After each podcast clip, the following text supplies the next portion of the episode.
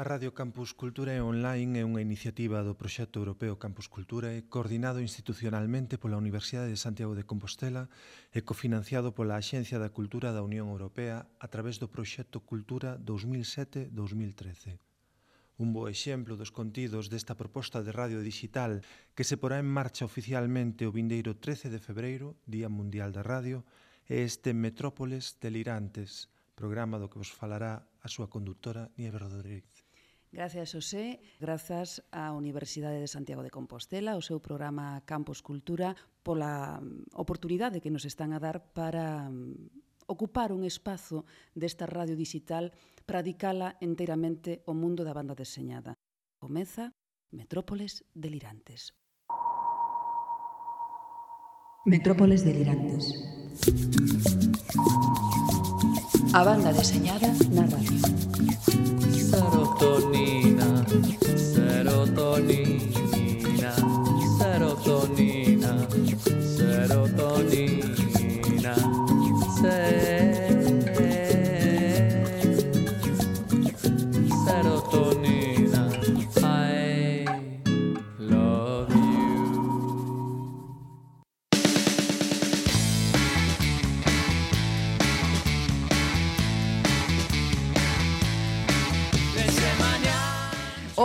por fin chegamos ás metrópoles delirantes. Comenzamos unha viaxe que percorrerá unha infinidade de mundos maravillosos, os que saen das privilexiadas cabeciñas dos autores de banda deseñada. Unha viaxe polo espazo e o tempo sen fronteiras, que pasa por múltiples territorios, que fala todas as linguas, en a que o debuxo é a linguaxe común.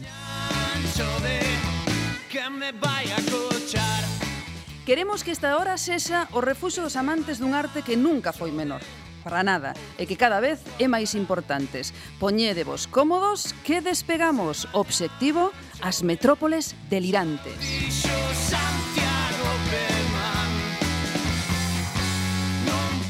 Hoxe falaremos con José Ángel Ares, debuxante de Rosa y Javier, un cómic delicioso con guión de Paco Hernández. Queremos manter alto tamén o voso apetito polo cómic feito en Galicia e para iso cociñamos para vos unha compota un tanto vanguardista, compota de manatí. Falaremos con Marcos García Rodríguez, Rúster, Jorge Peral e con Iago García. Eh, tamén queríamos falar con María Álvarez, eh, componente, bueno, membro deste desatino fancineiro que é o compota de manatí con todo cariño, con María, pero non poido ser. Despois falaremos cos outros componentes.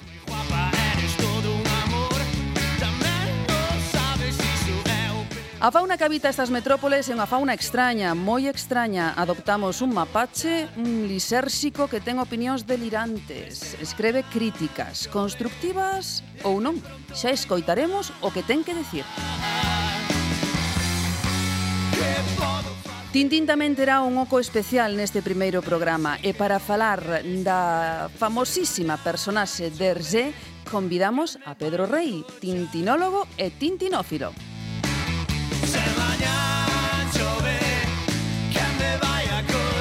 E xa pa, para terminar o programa temos con nós eh, a un oráculo moi particular. Marchamos cara a antigua Grecia, truxemos aquí a est, ata este estudio o mesmísimo oráculo de Delfos para que nos adiante as novedades que chegan ás librerías e para que nos faga algunha recomendación que outra Sanmi dende a Coruña. Logo falaremos con el, Dalita Comics.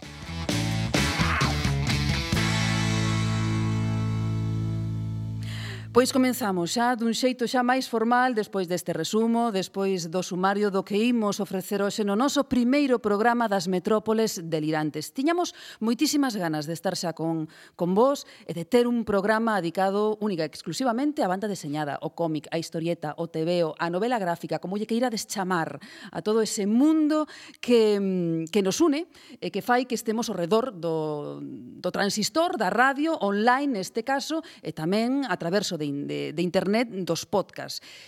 Imos falar con Javier Ares, que xa teño aquí ao meu lado. Estou no agarrando así porque hoxe como mm, que é o meu primeiro invitado, digo, bueno, pois vaime dar moitísima, moitísima sorte a que tivo el co seu cómic. Pero antes de nada, imos eh, dar uns apuntes, eh? Todas as semanas, todas as semanas eh, faremos algunhas recomendacións interesantes, apuntes para que estedes o tanto do que se coce polas metrópoles adiante. Hoxe mm, empezamos cunha nova editorial. David Rubín, o espertano da Galiza, vende anunciar a iminente saída, concretamente no vindeiro mes de febreiro, da edición de El arte a lápide, el héroe, libro 1.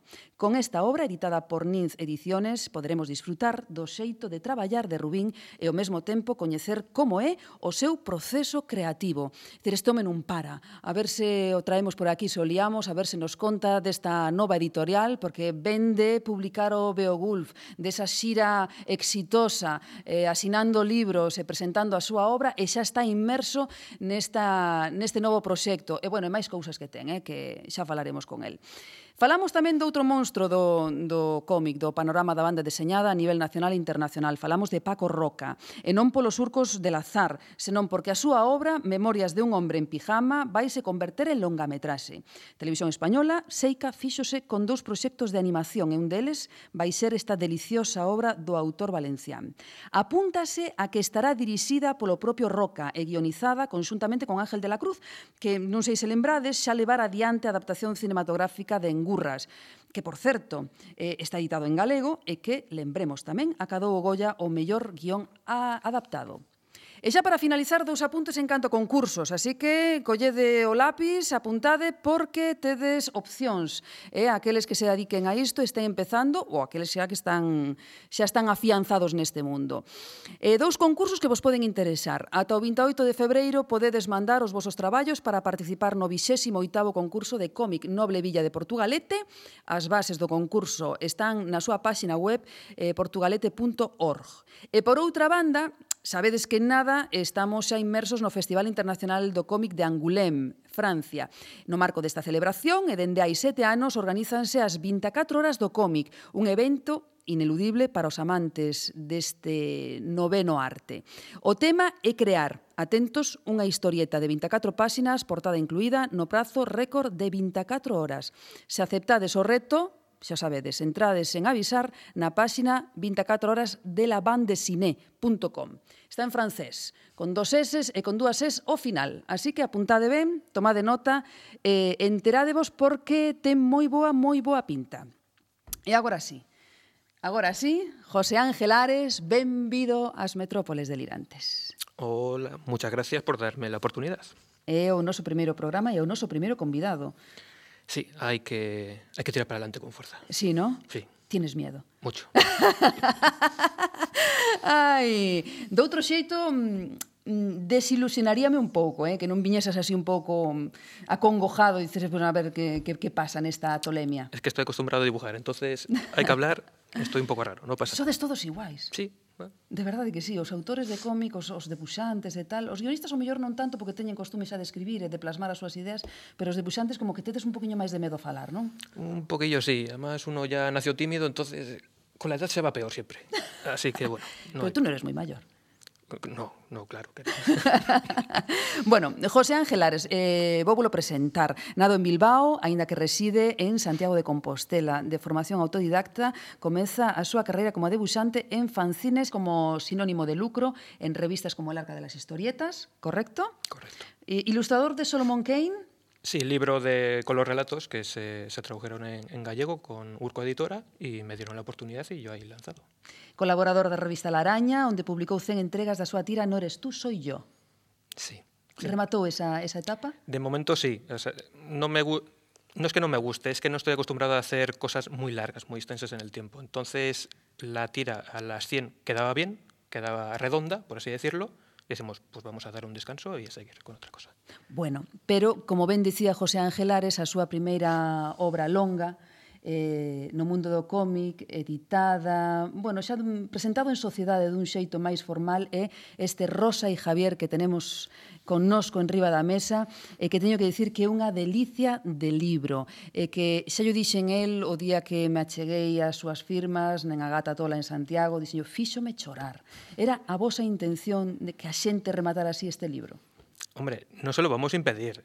si la gente llora, pues mira, a ver, yo eché la lagrimilla leyendo el guion, así que yo soy el primero que tiene intención de que el recibimiento sea el mismo por parte del lector que por parte del que lo hace. Bueno, e, e dirá a que nos está escoitando, e por que lloran estos hombres? Eh? Por que? Cal é o motivo? Bueno, pois Rosa e Javier conto vos que un cómic de corte social, eh, fermosísima e ao mesmo tempo dura historia de amor entre unha nai e un fillo. E un fillo que ten un problema gordo, que sufre dunha enfermidade, porque así como hai que chamalo, sí, sí, que son verás. as drogas. Exacto. Eh, sodes un pouco valientes.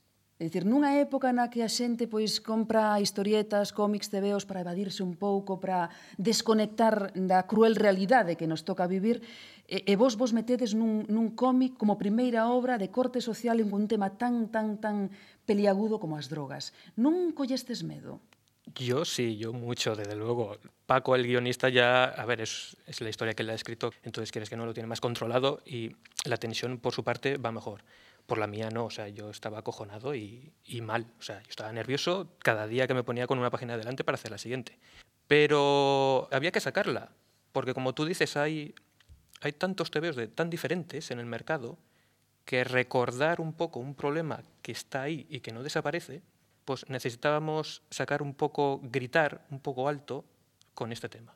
Ponerlo encima de la mesa, é dicir, eh, eh hai isto aquí que tamén se pode tratar a traverso do cómic, da historieta, eh, e que tamén se pode concienciar a traverso dun cómic, non? Porque es que moita xente pensa, ah, es un cómic, no, no. Gente como Paco Roca ya, ya abierto la vía, por así llamarla, seria, que no está poco seria, o sea, es, es que el cómic tiene tantas vertientes, ta- tantas ventanas por las que sacar fuera las historias, que pueden ser historias serias, historias sociales, divertidas o, o de escapismo puro y duro. Y no pasa nada.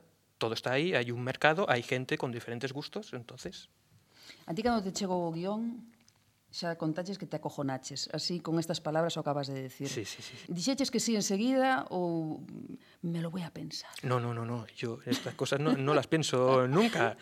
Todavía ayer me llamaron para una colaboración, dijiste, ¿te apetece? Yo sí. Yo quiero dibujar. Además, aprovechando que, por desgracia, estoy en paro, que coño, pues voy a dibujar todo lo que pueda. Entonces, además, eh, era Paco, es, es amigo ya desde hace ya bastante, bastante tiempo. Eh, su confianza, la confianza que puso en mí, diciéndome, eh, yo quiero que tú dibujes esta historia y nadie más, si le digo que no, igual me zurra y no... Aparece Chucky en Santiago. Igual sí. De, de... Yo soy un flojo y no, no aguanto una y media. Entonces, por lo menos sí, rotundo. Y luego a partir de ahí, sí, miedo y miedo, no pasa nada.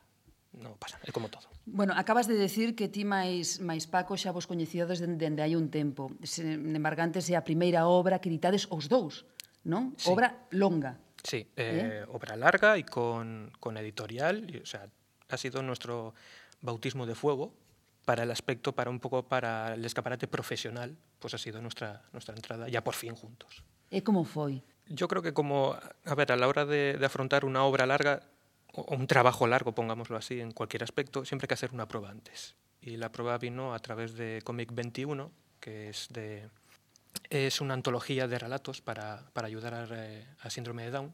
Entonces teníamos ahí una oportunidad de hacer una historia corta, pero de corte también emocional, que no era lo típico que habíamos hecho antes de superhéroes etcétera.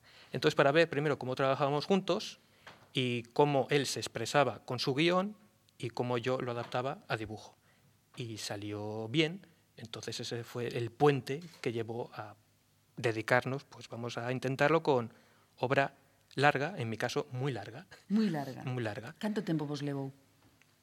Oficialmente nueve meses. Es, Un parto. Sí, total. Digo oficialmente porque, claro, tantos meses siempre pasan cosas. Entonces, bueno, Paco cayó enfermo, yo lo mismo. Unos días trabajas más, otros días trabajas menos. Pero oficialmente, pues nueve meses. Nove meses. Bueno, abrimos Rosa e Javier e vemos tipo de dibuixo fresco. Tuveches que adaptar o teu estilo a este cómic para transmitir o que realmente a historia quería? Es que ya me venían diciendo desde hace bastante, porque yo he hecho mucho, mucho storyboard antes del TVO, pero había hecho poca página de, de TVO propiamente dicha. Porque me decían que se perdía bastante la frescura de lo que veían en el story a luego a la página final.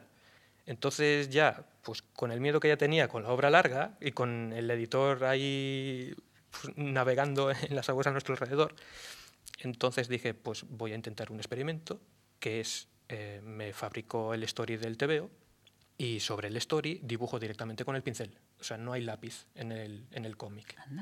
Entonces cojo mi mesa de luz, que encima daba calorcito en invierno, y, y a darle con el pincel directamente. Luego, claro, siempre hay algún que otro arreglo gracias al ordenador, pero, Pero basicamente es todo tinta e non hai nada de lápiz. Eu que che iba a preguntar eh, que como traballaches a... acabas de confirmar que dun xeito manual totalmente, sí, que sí, hubo sí. algo de, de ordenador digital. Sí, para arreglos, para rotulación que si sí, tengo que usar el ordenador e non pasa nada. Pero el dibujo sí, completamente manual, todas las paginillas aí con la tinta, que es lo que me gusta. Que te lo has currado, vamos. Sí, sí. No voy a decir yo que no, vamos. Me lo ocurra, ha costado, ha costado. Entonces, nada, yo muy contento y... E a cor? Por que escolleches este tipo de, de cor? Así monocromático, solamente blanco e negro, cunha súa, cunha súa cor tamén. Por qué? La historia al principio iba a ser blanco y negro de principio a fin. Y se veía como bastante duro. O sea, ya la historia ya, ya es dura, como para un blanco y negro quedaba muy intenso, no, no nos gustaba. Entonces luego optamos a, ¿y si le metemos color? Entonces eso, solo una capa. Pero le volvemos a dar otra vuelta y dijimos, pero a ver, hay flashback, hay momentos de recuerdo del pasado y momento presente. Pues vamos a dividir la paleta de color y entonces metemos, eh, como la historia es dura en el presente, metemos un color frío, que es el, el azul este que tenemos, y lo metemos un verde esperanza, que es el que envuelve al tebeo, que es lo que hace retomar a la infancia, y con el niño cuando estaba más pequeño no había tanto problema, tanto problema en casa. A Paco gustoulle. Se non non che diría que sí. A... No, no, a Paco le ha encantado, me dice cada dos por tres que lo vuelve a leer todas las semanas. Yo digo, pues eso está bien. Estará che facendo pelota por algo? Pregunto.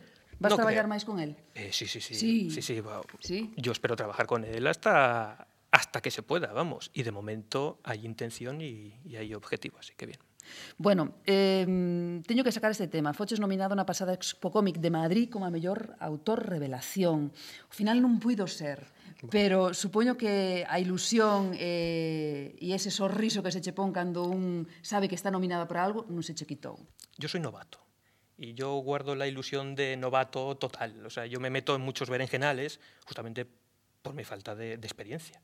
Entonces a mí estas cosillas a mí me gustan. ¿eh? O sea, yo sigo siendo todavía nene pequeño ahí con sus bartolillos dibujando en el folio, entonces que salga la nominación de premio a nivel nacional a mí me hizo mucha ilusión.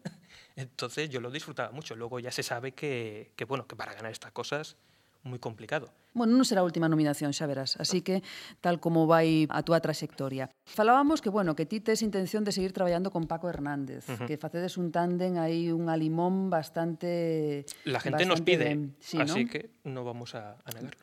Pero tes outros proxectos en que estás traballando, contanos, a día de hoxe. Saco tira cómica nueva, que es eh, Draw It Yourself, dibújatelo tú mismo. El protagonista va a ser un niño dibujante, al cual no comprende casi nadie, pero él es, es su mundo, entonces lo sacará para adelante y esa es tira cómica, tira cómica nueva.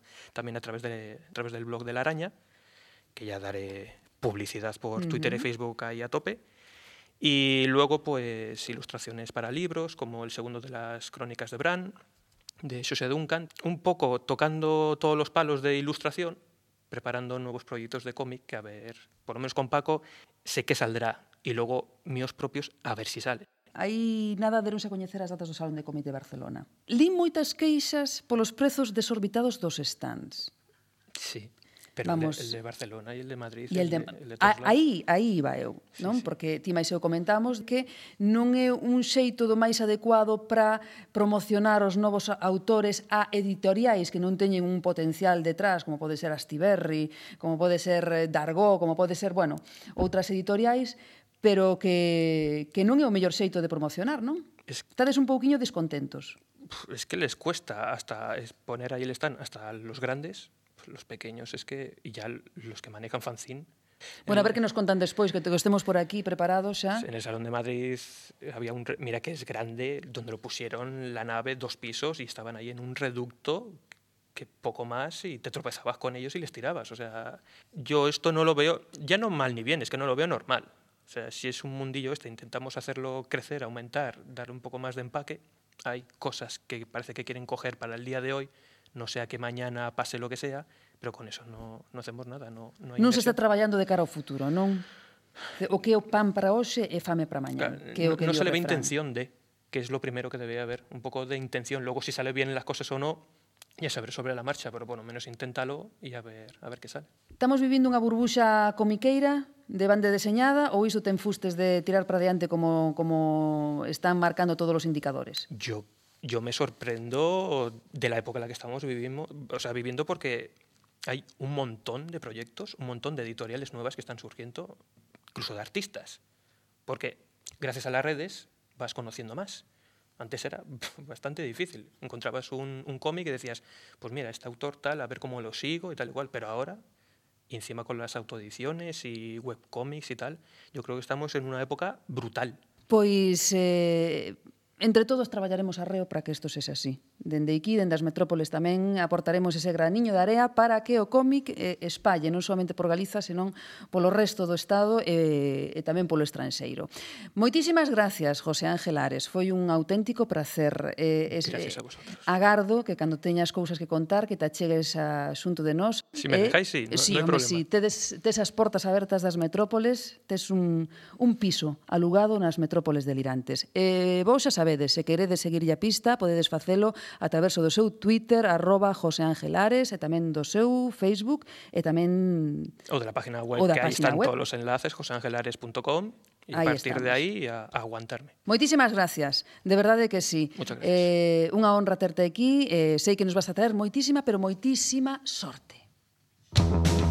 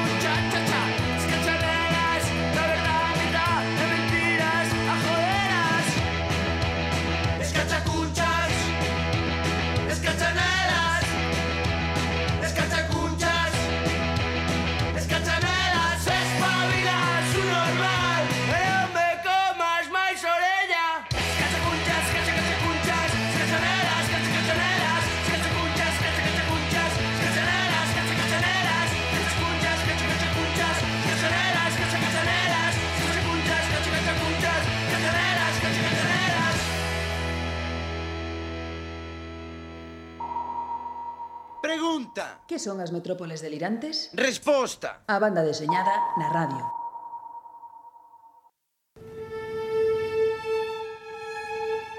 Hayao Miyazaki acaba de estar de aniversario, 73 anos dos que 50 investiunos en facernos soñar.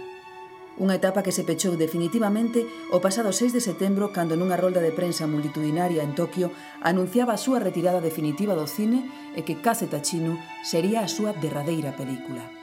Dende as metrópoles máis orientais queremos renderlle unha pequena homenaxe.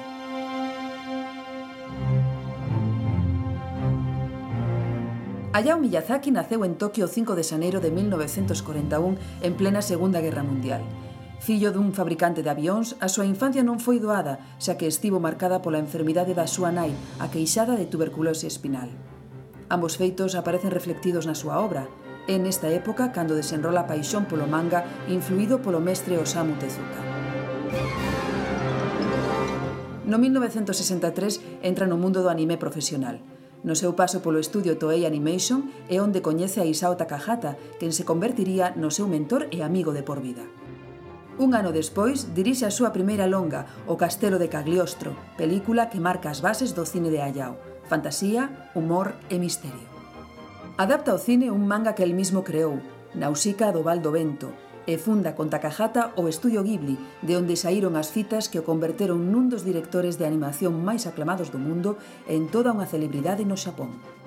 Ainda que toda a súa filmografía é digna de ser repasada e toda é deliciosa en grau superlativo, dende as metrópoles delirantes destacamos catro das súas creacións, películas que teñen un especial significado tanto na trayectoria de Hayao como na nosa memoria.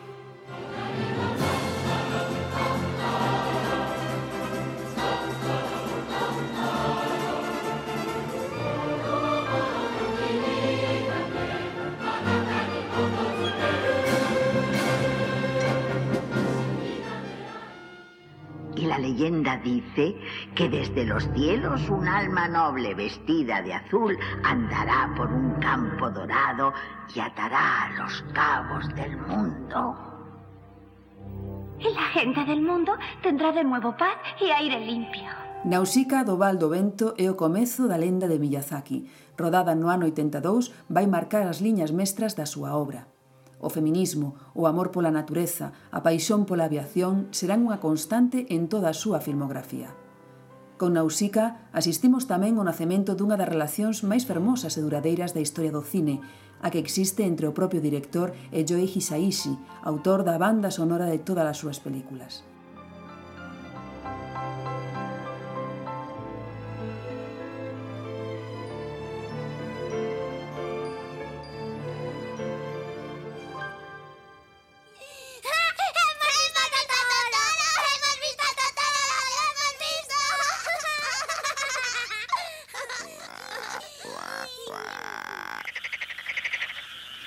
No ano 88 estrea O meu veciño Totoro. Para nós, unha das películas máis fermosas e personais de Miyazaki. Foi un exitazo no Xapón, tanto así que Totoro pasou a ser o símbolo dos estudios Ghibli. Nesta película podemos ver unha clara influencia de Heidi, serie dirixida por Takahata na que tamén participa Miyazaki. A historia lévanos a uns prados inmensos e a unha casa rodeada de natureza na que a maxia e a fantasía asolagan todo. Unha fita maravillosa cunha excepcional banda sonora e uns personaxes tan entrañables como agarimosos, os totoros e o necobús.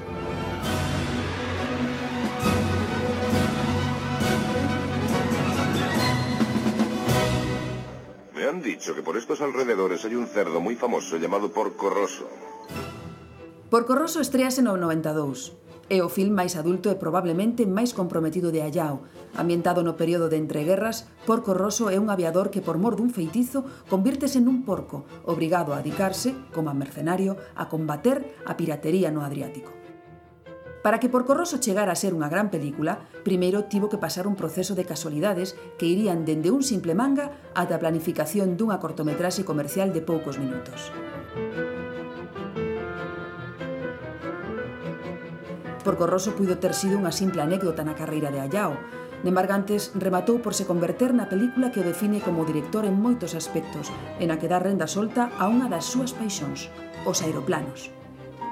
En Porco Rosso tamén abundan os temas políticos, deixando unha clara mensaxe antitotalitarista con frases tan inesquecibles e actuais como esta.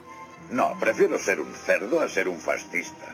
Porco Rosso é algo máis cun porco, porque, como ben dicía el, Un cerdo que no vuela solo es un cerdo.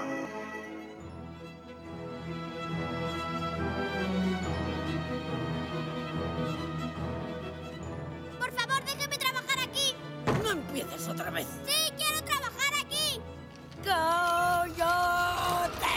Coa viaxe de Chihiro, Hayao Miyazaki conseguiu ser aclamado pola crítica internacional. A fita cadou un Óscar a mellor película de animación e un oso de ouro na Berlinale. é a película máis taquilleira do cine xaponés ata o de agora. Over Chihiro non podemos deixar de pensar no libro Alicia no País das Maravillas de Carroll. Chihiro inicia unha viaxe cara ao reino dos espíritus, onde queda illada de todo aquilo que coñece. En definitiva, Hayao Miyazaki é un deses senios que de cando en vez nos agasalla o cinema. Só resta maravillarnos diante da súa derradeira película, que como non pode ser doutro xeito, ten como protagonista indiscutible a aviación. Caseta Chinu ten previsto a súa chegada a Europa na primeira metade deste ano. O mestre quere descansar da animación ou polo menos, como el di, non ir traballar os sábados. Gracias polos seus delirios. Arigato.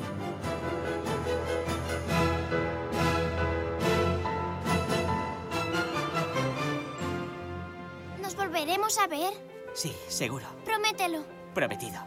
Ahora vete y no mires hacia atrás.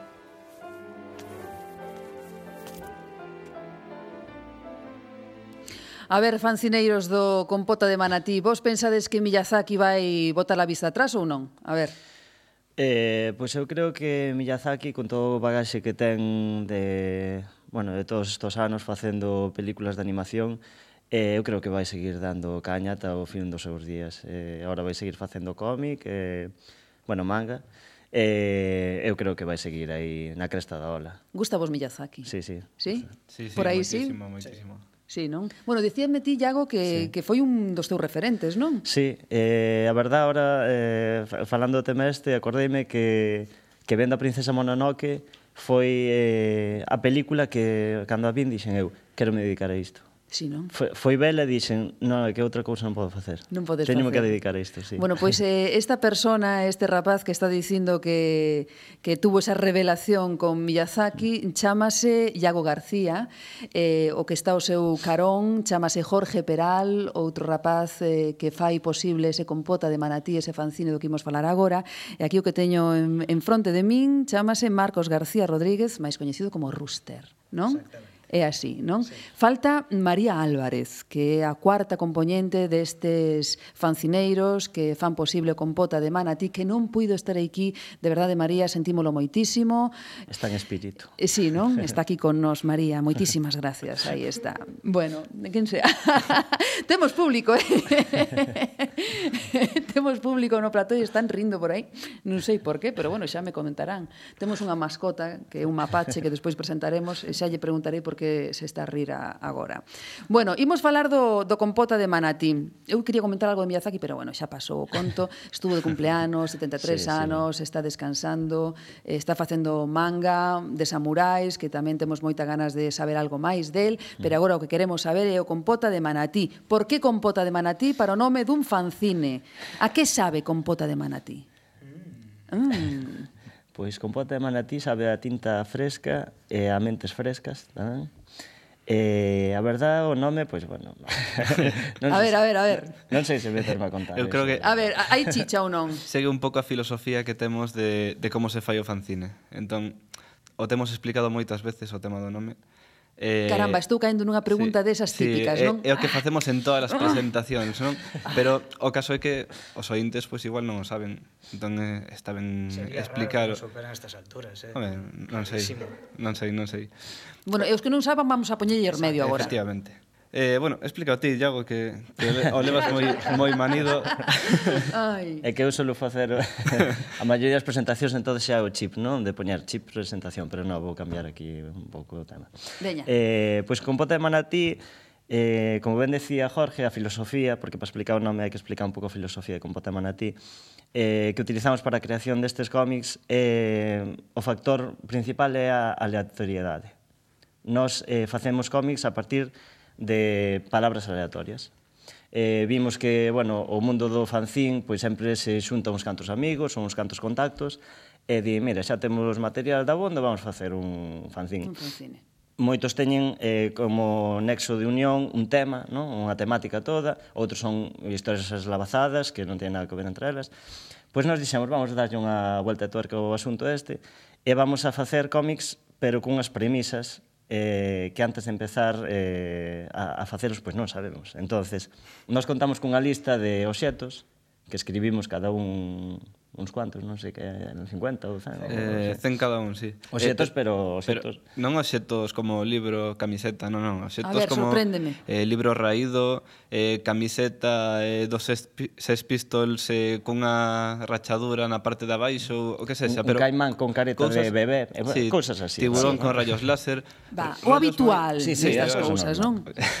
eh, entón, des, despois desa lista, eh, o azar, escollemos tres, no, sí, tres ou dous Dous, eh, dous, obxetos, dous, sí, dous oxetos. Entón, eu escollo desa lista e digo, Jorge, tocouche isto. Tens que facer unha historia con estes dos obxetos. Pero non son obxetos circunstanciais, quero dicir, teñen que ter unha base importante na historia ou, ou que a historia xire en torno a esos obxetos.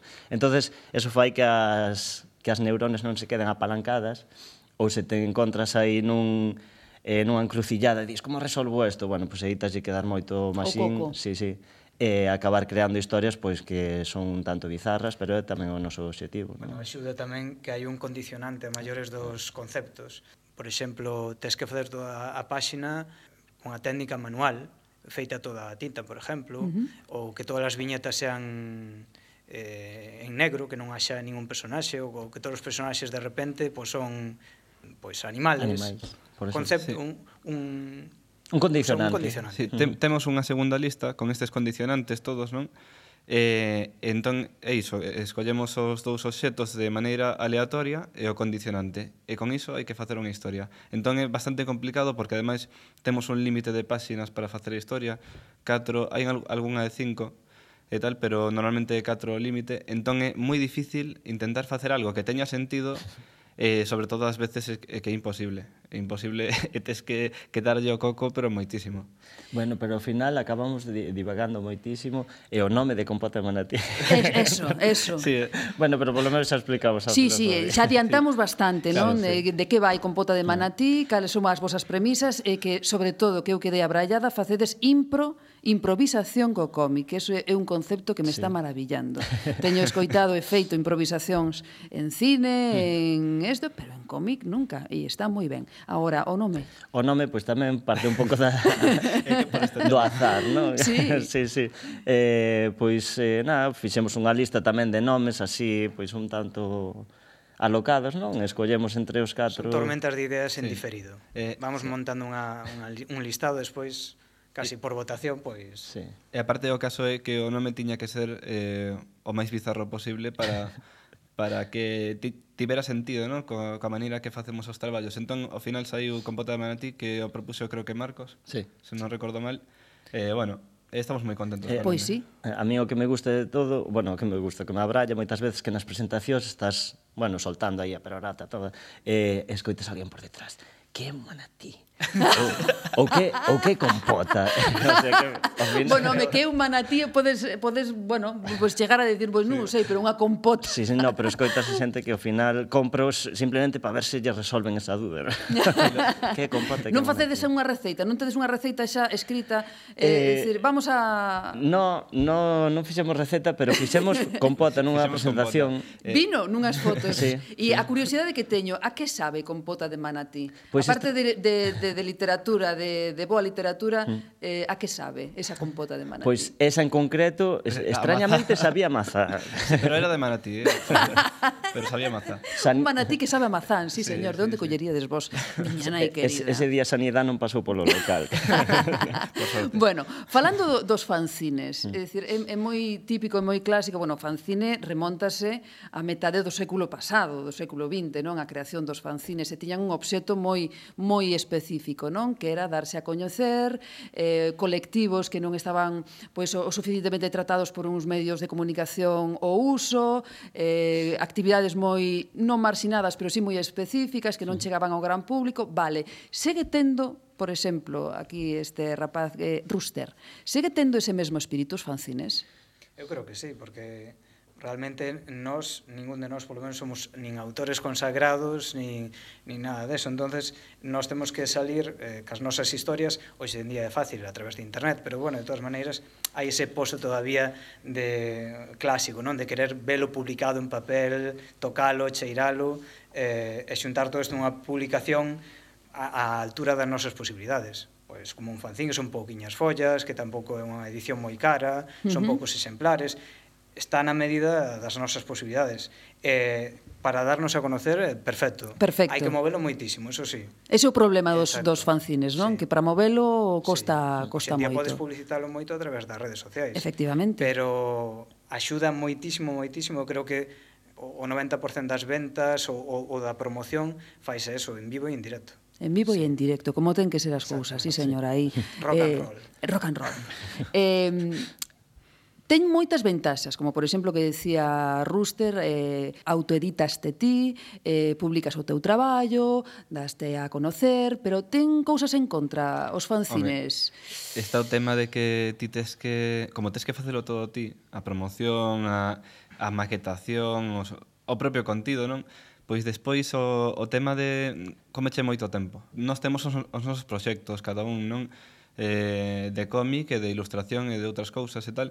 Entón, claro, ter que sacar tempo sempre para isto pois é complicado. Pero claro, sarna con gusto non pica. Non pica. Efectivamente. Eh, e o caso é que ao final pois eh, estamos contentos co resultado porque de alguna maneira eh, empezamos a, a ter un pouco de visibilidade eh, sobre todo co tema dos tebeos eh, en a rede e tal e a xente pois xa em, empeza a ler os, os cómics e eh, máis ou menos nos vai coñecendo. Uh De que saúde goza o fanzine en Galicia? Sei que en Coruña tamén sacaron os, os acoponchos, non? Sí. Outro, outro, uh -huh. outro fanzine. Pois eu creo que, ben. que de boa saúde. O que pasa que o que comentaba aquí Marcos é eso, que moita xente xa, non sei se é por pereza ou porque se sinte máis cómodo, xa desde a súa casa xa eh, fa un cómic e xa o enseño. No Facebook, ah, teño 20 me gustas, ai que ben, bueno, pois entón vou no poñer para a venta online para Paypal, por exemplo. Entón hai, hai xente que con iniciativas propias pois empeza a sacar as súas cousiñas e non hai tanto esa esas reunións que había antes de xuntarse todos para facer un fanzín. Home, eh, sí, hai así píldoras espalladas, como podemos ver agora no noso caso, e, eh, e o saco poncho, que, bueno, eh, tiñamos aí o defunto sinónimos, que tamén sí. era un dos referentes en Galiza. Pero eu creo que eso, hai xente moi activa e, eh, e facendo as súas cousiñas. Outra cousa é que se to tomen a decisión de xuntarse para, para sacar fanzín. Prima o individualismo? Eh, non é que sexa individualismo, eu creo que hai moita xente que se xunta eh, con, ot con outros dibuixantes porque é unha profesión moi eh, eh, non sei, ermitaño, non? Solitaria. Solitario, non? Sí, sí, sí. sí. E hai algúns que ata teñen moza. Eh, que dices? Sí, sí, sí. sí, sí, sí. Pero deixame a brallada. Pues sí, pues pero este sí, un bombazo, por favor. Sí, sí, sí. De verdade que sí, pero que de que estamos a falar? Primicia. Eh, de autores, de dibuixantes con noiva. Pois pues sí. Sí. sí. sí. Eh, eh e, e eh, con paciencia as noivas, eh? Sí? sí con moita paciencia. Eh, eh, bueno, non vou preguntar, que isto non é salsa rosa, nin é nada por o estilo, que estamos falando de cousas serias, de cousas serias. Bueno, falando de que os autores eh, de xuntarse, vos, mm, eh, me, me parece que mm, Ruster non, non está dentro do colectivo Miñoco, no. non, pero bueno, vos sí, non? Uh -huh. Aquí Iago e eh, Jorge sí que están nese colectivo, uh -huh. que vos xuntades, non? Para facer cousas, para puxar aí forte polo cómic, non? Contame. E, e pola ilustración tamén. Sí. E pola ilustración. A eh, ver, adiante. Miñoco, bueno, pues, que? pois pues, eh, er, realmente o Miñoco empezou como algo que era pois pues, éramos os tres que acabamos acabamos de sair da escola, non? E eh, o caso é que non, non tiñamos... Da, da escola un... de arte. Sí, da escola de arte, non, non da escola de primaria. Non? eh, e o caso é que non, non tiñamos un rumbo, un, un rumbo que seguir, éramos moi novatos en todo, entón decidimos montar este, este colectivo para ir facendo cousas, exposicións, eventos, eh, actividades, E levamos, que levamos? Tres anos, xa. Sí, por aí. Levamos a mí, tres a anos. A mí fais unha eternidade, sí. xa. Descanso xa. No. no, no, no, pero que como fixemos tantas cousas. Sí, eh, sí no? Por exemplo, xuntarvos, eh, eses famosos eh, drink and draw. And draw. Sí. Eh, sí, sí. Eh, é unha actividade que comezou fai dous meses. Dous meses, sí. sí eh, fixemos dúas edicións e tivo bastante éxito, que máis que nada é unha quedada eh, nun bar, fomos cambiando de locais, agora temos planteado unha no bar Universal de Coruña de, o día 23, 22. Uh -huh. E o caso é que quedamos ali, estamos eh, toda a tarde eh, tomando algo e debuxando. Cada un fai os seus debuxos e tal, e nos poñemos un tema e imos sacando palabras aleatorias como en Compota de Manatí e a xente ten que facer os debuxos. Entón, ao final, pois vemos eh, o que fixo cada un e un pouco eh, compartir coñecementos e tal, e sobre todo pasar un bo rato. O, o bonito de todo isto é que tanto pode ir xente amateur como profesional. Entonces, é interesante. Eh, os profesionales, pois, eh, eh, se, se alguén lle vai preguntar algo, pois sempre están agradecidos de, ah, coñezo o teu traballo, ou podes lle explicar non sei, ah, como faz isto, ou a xente que acaba de empezar, eh, enseñas as túas cousas, eh, non sei, eh, hai moito feedback aí entre todos, eh, eu creo que é un ambiente bastante distendido e que para moita xente moi moi agradecido. A mí encántame, a verdad. Bueno, mm, nos... os que eh, estades escoitando isto, cando eu dixen drink and draw, non somente drink, eh? Ah, tamén ah, no, no, no, debuxan no, no. Sí, e tamén sí, sí. aprenden cousas. No eh, sí, non? eh, para vos coñecer, Compota de Manatí, tedes Twitter, tedes, porque para nós é moi importante. A ver, Twitter, sí, sí. arroba compota de manatí. Eh, en Facebook, simplemente compota de manatí, xa, xa o tapades. E logo temos un blog que se chama compotademanatí.blogspot.com donde podedes eh, ver as, as últimas novidades do noso traballo. E tamén o colectivo Miñoco tedes... E o colectivo Miñoco ten tamén o seu grupo de Facebook que, eh, bueno, Miñoco, Miñoco. simplemente. o, o Twitter que é colectivo Miñoco todo xunto con NH. E logo eh, a nosa web que é... Eh, tamén colectivo miño co... sí, será. Sí, sí, sí, eh, que temos tantas cousas xa que, bah, non, que non, non dades atendido, sí, non, de verdade que si, sí, eh, sodes, sodes eh, fastudo, como di en Portugal, non? Unha cousa aquí, aquí, aquí. Para cando o número 2 de Compota de Manatí?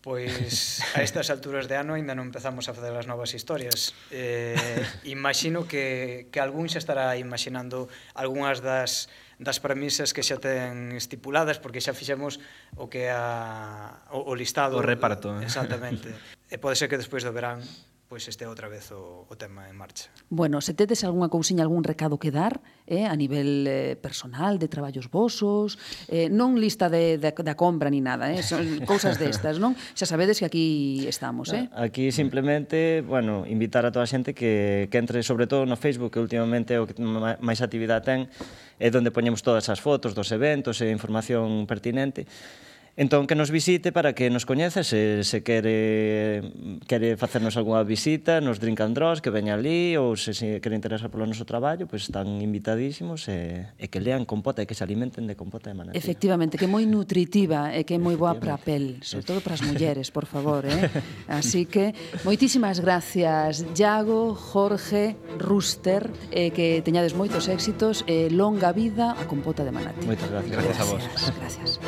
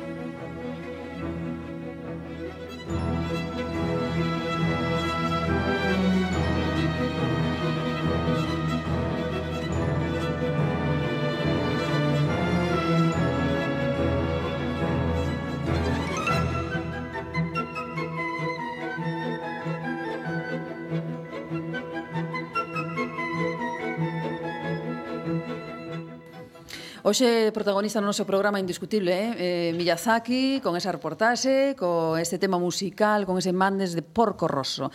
Bueno, eh, hai nada, estivo de cumpleanos tamén, porque falábamos do cumpleanos de Hayao Miyazaki, estuvo de cumpleanos o reporteiro máis famoso do mundo. Falamos de Tintín. Eh, para falar deste emblemático personaxe de Hergé, nada millor que facelo cun tintinólogo e tintinófilo posuidor dunha das mellores, senón a mellor, eh, colección sobre Tintín que hai en España. Pedro Rey, hola. Hola, hola. hola, ¿qué tal? Moi ben. Temos que dicir que Pedro Rey, que aparte de ser tintinófilo, tintinólogo, de ter unha eh, colección maravillosa, eh, é parte é arte é parte deste proxecto que hoxe arrinca que son as metrópoles delirantes. Como estás eh, sintindo e vivindo, Pedro? Pois o vivo como un nacemento case como dun fillo. Decir, sempre tiven a ilusión de que se puidera falar de banda deseñada de cómic na radio, e facendo ainda por riba en galego. E, bueno, e aquí estamos. E aquí estamos. Como, como vai? Ti que estás de espectador mentre nos estamos aquí cociñando cousas. Ben, ben, ben sí, é divertido velo dende o punto de vista do, do público, sobre todo con algúns compañeiros do público como os que teño ao meu lado, mm, pero... Que logo presentaremos. Vale, xa virán despois. Xa virán despois. É moi ben, moi ben. Penso que que un programa novo, fresco, e que vai, vai tirar moito para diante. Ogalla, ogalla que sexa así. Nos, polo, polo menos, poremos toda a ilusión e a enerxía para que as metrópoles delirantes teñan unha longa vida. Bueno, imos o noso, vale? eh? o que ti realmente controlas e eh, que amas profundamente. 85 anos de Tintín. Sí. Sí. Parece que son moitos, pero mm, parece que este rapaz eh, aventureiro e periodista eh, goza dunha boa saúde. Sí, segue dando guerra, aínda que leve morto o seu pai, pois case, case 40 anos. 40 anos xa. Sigue dando guerra, siguen aparecendo noticias, eh, siguen falándose, conxeturando sobre novas versións, novos libros, adaptacións. É a personaxe icómica, icónica do, do cómic, da banda deseñada, é por algo É dicir, atrae moito. Sí, atrae moito, sí, señor. Eu penso que, que home, non sei, eu eh, comecei lendo banda deseñada con Tintín. É certo. Bueno, lín de pequena, Capitán Trueno, El Jabato, eh, Mortadelo e Filemón, pero así, banda deseñada, eh, aventuras, unha cousa xa máis alongada no tempo, Tintín, sí, señor é así. Eh, tipo... marcou, marcou a infancia moito moitos nenos. E, sí. e a túa sobre todo, non? A miña moito, a miña porque, moito. Porque vendo con, en que situación estás con respecto a Tintín, por que Tintín que te chamou tanto a atención? Gustoume, gustoume moito, eh, eh, empecé a coleccionar primeiros libros, eh, é difícil pensar que nos anos 80 eh, en Santiago se puderan conseguir cousas de Tintín, fun acaparando todo o que podía, primeiro as, as aventuras, os libros, pero despois eh, atopei algúns libros eh, de bibliografía un pouco máis avanzada, gustoume moito, aprendín moito, non do personaxe, senón do autor, sobre todo, de Hergé. E, e logo, cando puiden, por motivos meramente económicos, empezar a coleccionar cousas relacionadas con Tintín, pois empecé a facelo, E teño unha colección que non é das mellores de España porque bueno. hai coleccionistas que son prácticamente profesionais do coleccionismo de Tintín, pero estou moi contento e orgulloso. Bueno, eh, nós tuvemos o placer de disfrutar dunha parte desa exposición de Tintín aquí en Santiago de Compostela, nesta cidade, no Pazo de Fonseca, durante un, un período de, de tempo mm, o pasado brán. Uh -huh. E vamos, eu quedei abrallada. Ademais, Pedro, que eh, aparte é amigo, nos fixo pois unha, un pouco de Cicerone por esa exposición, nos estivo explicando o seu contido, eh, o seu significado, o que significaba para él, e foi fermosísimo, vamos, eh, a min eu quedei abrallada, tamén asistimos a, un, a unha charla dun dos, dos teus colegas, eh, agora mesmo non me, non me lembro o nome. Fernando Castillo. Fernando Castillo, que eu de verdade que dei pampa. E bueno, e ele é bastante modesto, pero a verdade é que tes unha colección ben seitosa. E aparte dos libros, lembras cal foi o primeiro obxeto que, que chegou á tua casa? Pois lembro que me compraron de pequeno eh, unhas figuriñas pequenas de, de plástico que se vendían polos anos 80 que seguramente agora mesmo se analizan a súa pintura, serían tóxicas, non se poderían vender, pero pero eu lembro que as tiña eh, deben de andar polo caixón de algúns dos meus primos, co cal xa perdín a pista e, e non as podo atopar pero sí que me lembro de ter esas figuras, eh, bueno, despois xa algún obxeto raro, vasos e demais que foron aparecendo por casa. Uh -huh. Mm, hai un término que eu a ti escoiteiche varias veces, que é arqueoloxía de Tintín. Non sei sí. que facemos é arqueoloxía de Tintín. Por que ese término? Pois polo que che comentaba, porque Tintín ten 85 anos, pero Hergé morreu no 83, co cal estamos a falar de algo que eh, se produciu hai moito tempo e non vai volver a suceder, co cal todo o que se sigue publicando sobre Tintín é remoer eh, sobre o mesmo, é seguir facendo, pois eso, arqueoloxía de Tintín. Pero está vixente no, sempre. Sempre, sempre. E sempre suscita moitísima controversia, moitísima polémica, pois porque é o personaxe que quizáis en España ou en Galicia non, non valoramos tanto, pero en Bélxica é un héroe nacional e, o, e así o valoran. Cando saiu a noticia que Tintín podía ser eh, un, podía haber unha nova aventura no ano 2052, armouse un, un revuelo con, con debates en público nas televisións eso aquí é impensable, algo sobre banda deseñada que case somos un reducto de frikis, non, non, ali é un cuestión de estado, é dicir, ali é o noveno arte, cando falo ali é no mundo francófono, Francia, Bélxica, para eles é eh, importantísimo, é un patrimonio nacional. Patrimonio nacional. E vos facedes arqueoloxía sobre ese patrimonio que teñen en Bélxica, que xa é patrimonio de todo o mundo, claro, porque sí. ti é, é, é universal.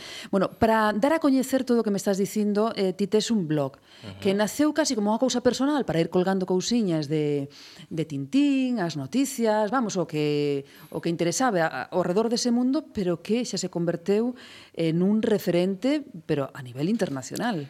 Sí, pero eso é moi doado. Como che decía, facer arqueoloxía deste tema é complicado, co cal somos moi poucos. Entón... Xa, pero ter noticias eh, ao redor desa arqueoloxía sobre Tintín que susciten interés tamén é difícil, eh? Sí, eh, por sorte, o, o de ser un corredor de fondo e levar tanto tempo, levo prácticamente seis anos co blog mantendo un ritmo de, de publicacións bastante importante, en torno a 12, 13 ao mes, que nun tema pechado como Tintín é, é moito, eh, pois fixo que me con, convertira no referente eh, agora o bo é que me mandan as noticias é dicir, eu só teño que prácticamente esperar a que me manden correos ou avisos sobre tal conferencia, tal exposición, tal acto, esa novidade de, dunha nova publicación, algo relacionado con Tintín, e, esa me chegan por sorte. O nome do blog, por favor, dígalo. O usted. enderezo é www.pedrorrey.com con Y, Eh, o subtítulo que lle pusen é Yo aún diría máis, que yo aún diría máis en castelán, que é unha das frases que din sempre os, os Hernández e Fernández. Efectivamente, sí, unha frase moi recurrente de, uh -huh. desa parella tan peculiar nas aventuras de Tintín. Sí. Tamén hai unha asociación, Mil Rayos. Sí, fixemos aí... Na casa xa somos socios. Aí sí, ah, pois sí. pois eso son boas novas. sí. Eh, fixemos unha asociación de frikis que nos gusta Tintín, eh, hai que hai que autodenominarse así porque non ten outro nome, e o que facemos é xuntarnos e eh, dar a coñecer a obra de Hergé, eh, sobre todo de Tintín. Editamos unha revista, dúas ao ano, eh, publicamos tamén unha revista electrónica que sae cada dous meses, e E cada ano facemos un encontro. Eh, o, o próximo vai ser o 8 de febreiro e vai ser eh, o quinto xa, xa é o quinto encontro que, que levamos a cabo.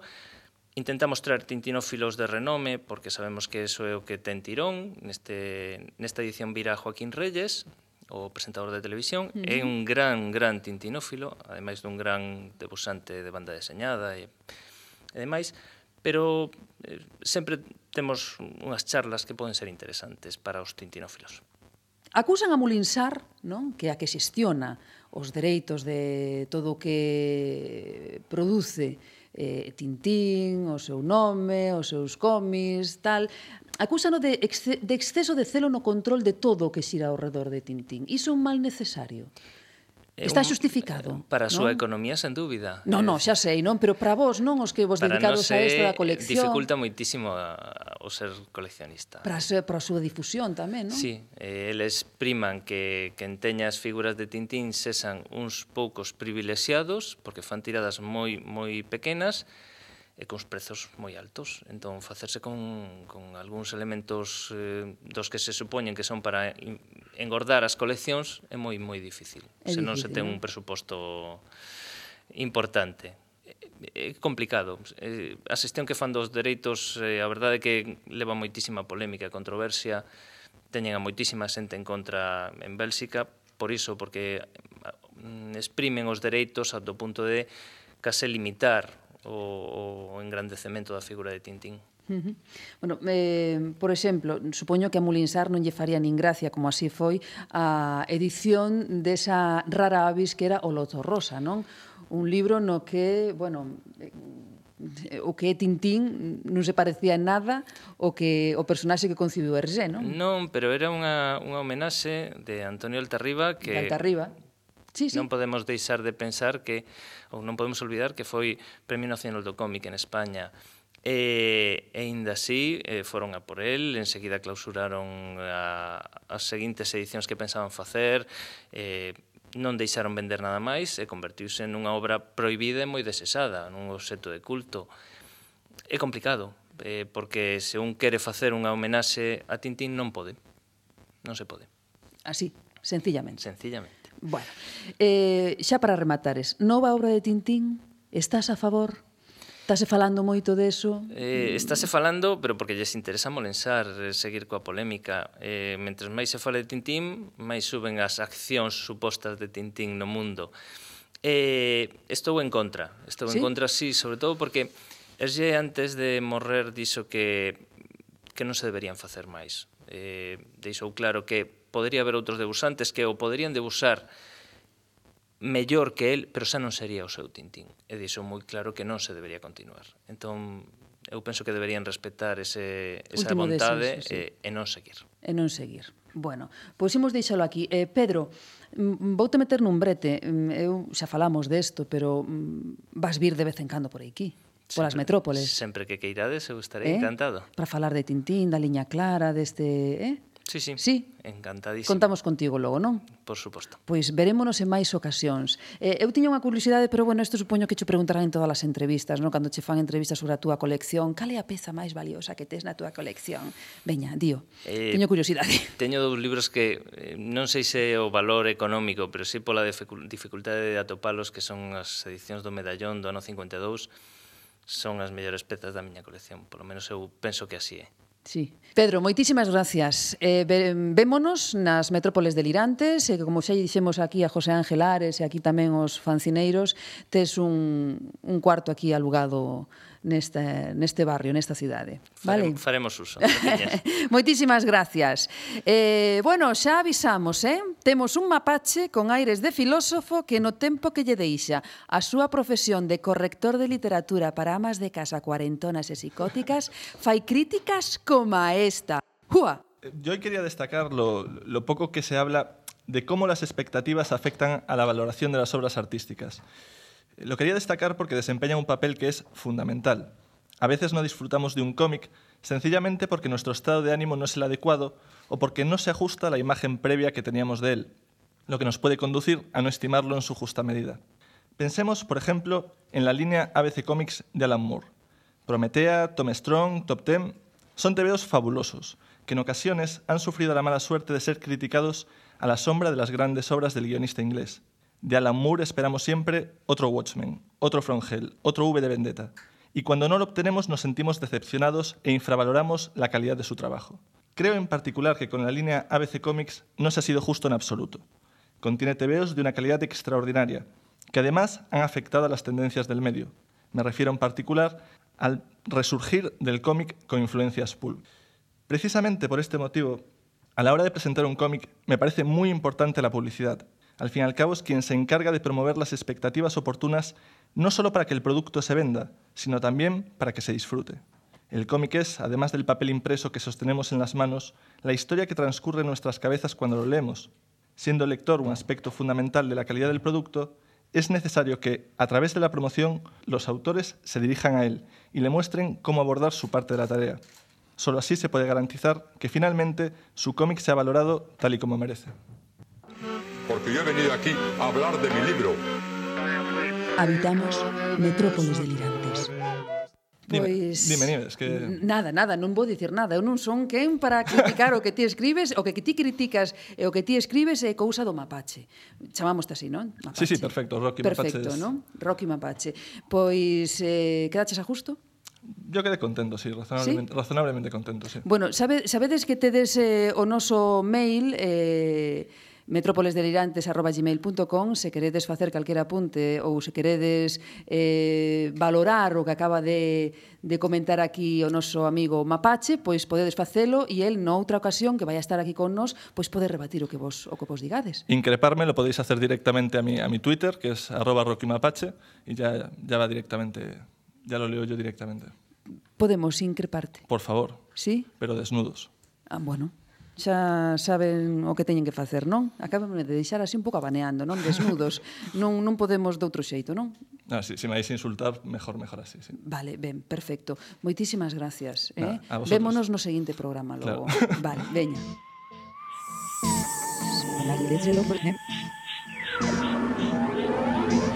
Metrópoles delirantes. E agora xa para rematares, e como decíamos nun principio, imos recetar pílulas delirantes de máxima calidade. O doutor non é outro que Sammy, de Alita Comics, que ten tendas no Orzán e na Glorieta de Ronda de Nelle na Coruña e que é toda unha especialista que nos vai a agora o que trae no seu peto máxico. Sammy, benvido. Moi boas, moi boas eh. Nieves. Todavía teño o corpo así tremendo, sí. ainda de deste de, rollo de estar desnudos e tal, de ah, estar un ah, sí, de mapache, non? De que Son o único que vin espido entón. Para que o dixeches? Eh? Joder, amase da, da radio. Se, por iso facemos radio, para que ninguén nos vexa, para que ninguén saiba se estamos eh, espidos ou se estamos vestidos. O saco das fotos é para publicar despois, non? Ai, ai, ai, ai, ai, non pode ser, Sami, de verdade, que nos estás botando o programa baixo, concho, de verdade. Eh. Cachis. Eh? Ai, mima. Sami, que tal? Bueno, moi ben. Moitas gracias eh, por, este, por este programa. Gracias a ti que... por, por colaborar con nós, porque non vas a ser a única vez, vais a ser un, unha constante eh, e eh, unha referencia no programa. Bueno, se cadra, fago un, un pitoste este par de... Eh, eh bueno, tes que, tes que liala moito, moito para que non volvas ás metrópoles delirantes. Modo aquí estamos, no, aquí estamos un pouco oídos, pero bueno.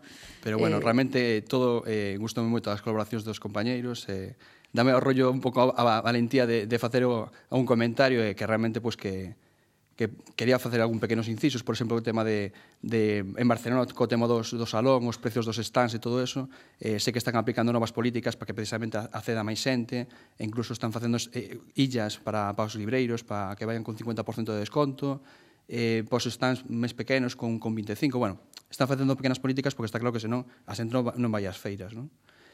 eh, o tema das novidades, eh, sí, efectivamente. un poquinho tema, un poquinho meollo do que do que íamos e tal, eh, salen tantas cousas e realmente te, tivemos un, un 2013 tan especial que sí que escoller un poquinho as, a, o baluarte de todas elas é incluso un poquinho difícil. É ¿no? complicado, que te sai tanta cousa e tan boa tamén que que é difícil decir, bueno, isto e isto e isto e isto, pero imos a modo, imos ter tempo. De feito, entón... un poquinho seguindo un poquinho o tema de Miyazaki co o tema de Ghibli, pois mencionar sobre todo tamén eh, a edición especial que sacaron de Nausicaa, que sacou Planeta nun formato especial, espectacular, es, eh? totalmente espectacular, que está esgotada.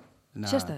Sí, sí, está esgotadísima Eso que costaba 100 euriños, pero bueno, é unha edición que desde logo é un regalo eh, de Nadal perfecto, non? Imagino que ti terás unha por aí seguramente. Ai, Dios mío, mm, aquí o que o que sobran son ganas, e o que falta son cartos, que é o que o que pasa hoxe en día, pero bueno, eu xa dixen, eh, eu xa dixen que o meu con Miyazaki é unha relación moi especial que teño. Adoro a ese home e todo o que fai e empezarei a coleccionar cousiñas pouco a pouco, como fixo Pedro. Dice, como é unha cuestión económica, cando haxa, pois ben, xa está pois imos, imos con elo. Que nos, en primeiro lugar, que, de que nos falas? Bueno, pois pues, eh, comentar un poquinho se cadra pues, eh, co tema de europeo, non? un poquinho o tema de...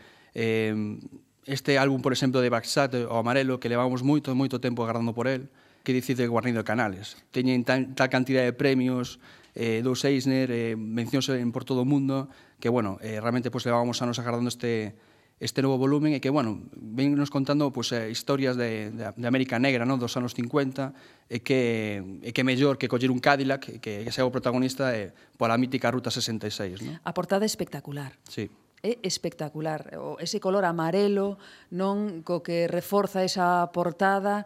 Eh, lin tamén, ainda non lin este, este número, pero lin sobre el, e decían que o amarelo, que bueno, que aparte de ser un color moi moi chamativo, que uh -huh. é un pouco a esencia do que é o cómic, non? É o color da traición, é o color da cobardía que é por onde vai o cómic. Eu creo que sí que hai que ser moi, moi valentes, non? Para precisamente poñer isto na portada cando un color que trae, supostamente o que diste que traicioneiro. Sí, sí, efectivamente, que trae moi mala sorte, non? Pero bueno, supoño que será unha delicia como os outros como os outros números. Inda que xa lín por aí algún crítico que dixo que o trazo e o acabado final do libro que non é o mesmo cos anteriores, que sigue sendo máxico e excepcional, uh -huh. pero que bueno, que, que parece que, que non Hombre, lle puxo tanto... meter un prisa para sacar un poquinho máis rápido precisamente. Pode ser, non? Con respecto aos anteriores números, non? Bueno, pero bueno, está claro que a calidade está garantida. Despois outra outra obra das, da que realmente pois eh, eu me sinto especialmente emocionado que de recente lectura pues, eh, sería o, Os Sucos del Azar de, de Paco Roca. Está claro que a novela, a novela gráfica eh, eh, non se pode guiar solamente polo body uso e, eh, e o guión, senón tamén tocarte a fibra. Non? Eh, lendo Os Sucos del Azar recordemos moito eh, o arte de Boar, de, precisamente do Alta Arriba. Eh, contar esas historias tan dende, tan dende dentro, eh, aparte pues, que somos moitos, non? unha generación que realmente non sabemos que pasou ca Guerra Civil todos vemos películas americanas, vemos unha cantidade de, de, de historias que, que, bueno, lo que, lo que nos queren vender, no? pero realmente do, do noso, do propio, casi non sabemos nada. É certo, sí, eh, eh, es, es, son necesarias estas iniciativas pois para, a traverso da novela gráfica, do cómic, tamén saber o que pasou na nosa, Efectivamente, na nosa historia. unha obra que está totalmente documentada, eh, ves nos agradecementos a cantidad de xente que participou nela, e, eh, bueno, quédate abrallado, non? e a cantidad de datos que, que aportan, e, bueno, un poquinho co tema de, de París, non? A cantidad de, de, de xente que lutou contra o fascismo por Europa adiante, contando con, con Cavaco Hitler, con toda a historia, e pensando que, que íbamos a facer o mismo con, con España, non? Co, co tema do franquismo. Conta un poquinho da desolación desa xente que foi lotar fora por defender tamén o propio, e ao final, pois, defenderon o de fora, pero o propio pois, quedou como todos sabemos, un poquinho no aire. Non? Efectivamente. Ademais, conta tamén con ese, con ese xeito de contar a historia, non que de, dende a súa persona. El mesmo é protagonista tamén, conta a historia como xa fixera en Memorias de un hombre en pijama, non? Que tamén contaba esa historia dende o seu punto de vista. Moi recomendable. Totalmente. Totalmente recomendable. Dende aquí, como diría o Mapache, Mapache aproba isto? Sí? Eh, sí. Mapache sí, aprobe. Sí. Efectivamente, Mapache aprobe, pois nós tamén. No, aparte, bueno, te, a oportunidade de coñecer a Paco Roca e eh, tal como dibuxa e tal como é. O sea, sí, é un, no? un CEO de persoa, e eh, recomendamos encarecidamente. Además, é un cómic que eh, eh para todas as idades, e eh, que, bueno, dende os nostálxicos, a xente maior, realmente pois, pues, aí un, un punto, ¿no? que lle tocará fibra que co comentábamos antes tamén que se, se cada mm, faga que teñas que coller aire, non, para para poder recopilar e poder volver a arrancar a ca, Efectivamente, ca eu lino dun tirón, pero tuve que facer unha pausa polo medio. Eh, Paco Roca, sabes o que ten en común contigo? Sabes? Non? A ver, dime que fala moito igual que a ti. Sí. sí. Fala moito e fala ben, igual que a ti. Bueno, sí, o de ben, bueno, isto teño que, que sí, tablas. A mí a radio que... me gusta moito, pero teño que hai que soltarse, hai que soltarse pouco a pouco. Hai que soltarse. Está claro. Bueno, e de Los surcos del azar de Paco Roca, a, a onde nos levas? Bueno, eh, pues, mm, tirando un poquinho do, do patrio, pues, eh, ah. volveremos co Manuel Fondevila, eh, a segunda edición de eh, Non se indignes tanto, de feito tamén o dos surcos del azar é a segunda edición, Estos son cómics que, bueno, eh, hai unha cantidade de xente que está publicando, digamos que demanda social, non? Este tema de, de que a xente pues, realmente pues, está indignada e pues, canalizar toda esta enerxía que, que existe eh, sacar pues, este, estos fan, fantásticos libros que, que o que fan pues, un poquinho, poñer un poquinho o grito do ceo de todos, non? Todo o que pensamos pues, ves canalizado aquí. Azuzar conciencias. Que temos que facer para pa que mover un poquinho o cotarro, non? Espirnos como di ah. mapache. Ah. eu penso que así, o mellor tamén poderíamos conseguir sí, algo, non? non? Unha revolución sí. esta silenciosa en pelotas. Efecto, en pelotas, en, en pelota pelotas. picada. Ahí Pasa está. que aquí, bueno, hai que botarlle aí moral, ¿Qué? eh? Que por qué? Por qué? Por qué? Que pases? Estamos todos estupendos e buenísimos, hombre. No, no, pero me refiro ¿Eh? máis que nada porque ah. chove, que fai frío, ah, esas vale, cosas. vale, bueno, me anda. Que... Eso, son minucias. Pero, pero somos xente do norte, somos xente bravo, somos espartanos, temos, como diría Rubín. Pa que temos o licor café? Efe... Oh, bueno, bueno, bueno, bueno, temos de todo, licor café, ansias, ganas, ganas de despelotarnos, bueno, de todo. Xa che Cortamos aquí esta conversación. Que máis?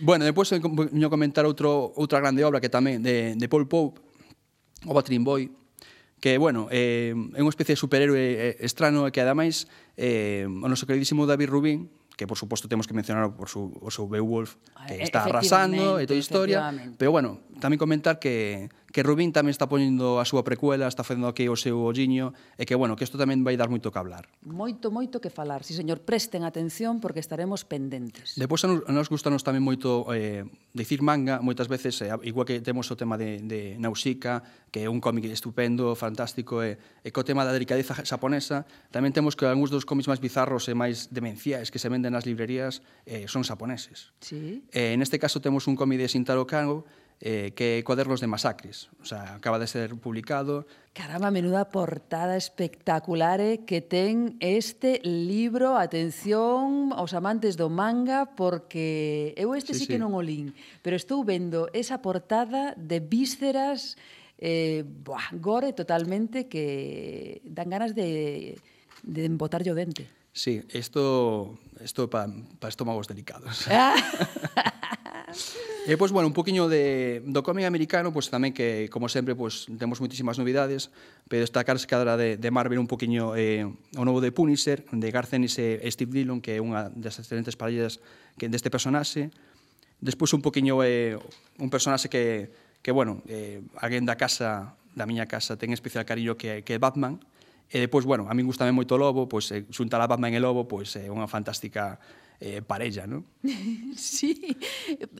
As cousas que fan, as cousas que fan en, en Estados Unidos, non Marvel e estas con estes superheróis, vou xuntar a Batman con Lobo, vou xuntar a, non sei, a min pareceme demenciais. Vos disfrutades moito destas cousas, non? Sí, porque claro, eh, mm, eh pois pues, eso, por exemplo, te sacaste o Joker, a broma asesina, te salen precisamente o Joker con con Lobo, o sea, as personaxes máis demenciais que existen son xuntan e estos son fantásticos, o sea, sai unha bomba aí. sí, sí, botas unhas boas risas. E eh, pois Despois temos outro, outro recopilatorio de, de, que nos venda a Mandy máis, que é Body Bags, que tamén un clásico atemporal e que, bueno, tamén se está é unha reedición. Eh, realmente hai moitos clásicos que um, hubo bastante eh, movimento a nivel editorial de casas que perden os dereitos e, bueno, que se están reeditando.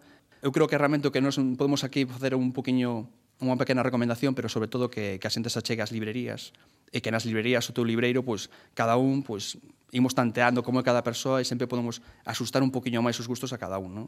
eh, non hai unha idade nin hai un, un xénero, realmente que hai un cómic para cada persoa. Efectivamente, e dá un gustazo tremendo a chegarse a túa librería que tes de man, co teu libreiro, estar buscando, estar fedellando, estar aí mergullando nos libros e que se tes algunha dúbida o que decías ti, mira, oiches, ven aquí, aconsellame isto, eso é maravilloso. Vamos, eu o que voto en falta eh, a despersonalización das grandes superficies, que non teño nada en contra delas, pero para mm, buscar un bo libro e eh, para levar algo debaixo do brazo que che faga mm, ter ganas de chegar a casa e de abrilo, un, unha librería e o libreiro. A mí as grandes superficies tamén me gusta chamar as tendas gasolineira, porque as, as gasolineras tamén venden pan, entonces é como venden de todo.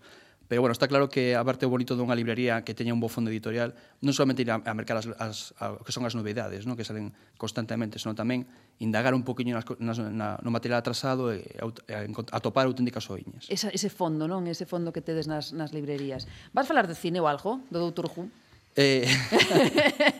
ou non? Bueno, Doutor Who, eh, a ver, que hai unha cantidade... de... Tuvimos a oportunidade de ir a, a estrela mundial do 50 aniversario de Doutor Who. Te odio. Eh, Eh, e sorprendeume a cantidade de xente que superfan de, de Doctor Who.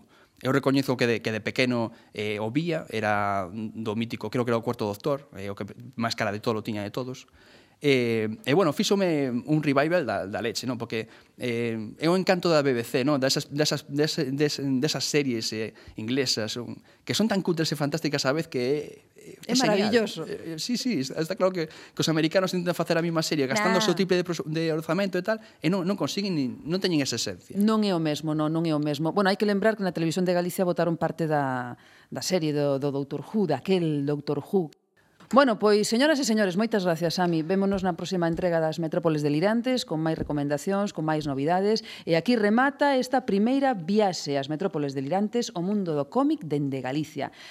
Na vindeira entrega teremos máis novas, máis autores, máis libros e máis de todo, agas cartos. Cartos non vai haber, Así que non, non viñades a buscalos, pero do outro vai haber a mans cheas. Temos outra cita nas Metrópoles Delirantes. Podedes seguir conectados con nós a través do noso Facebook Metrópoles Delirantes ou no Twitter arroba Metrópoles D. E lembrade que tan necesario como alimentar o corpo é alimentar a mente. Lede banda deseñada. Gracias. Metrópoles Delirantes. a banda diseñada na.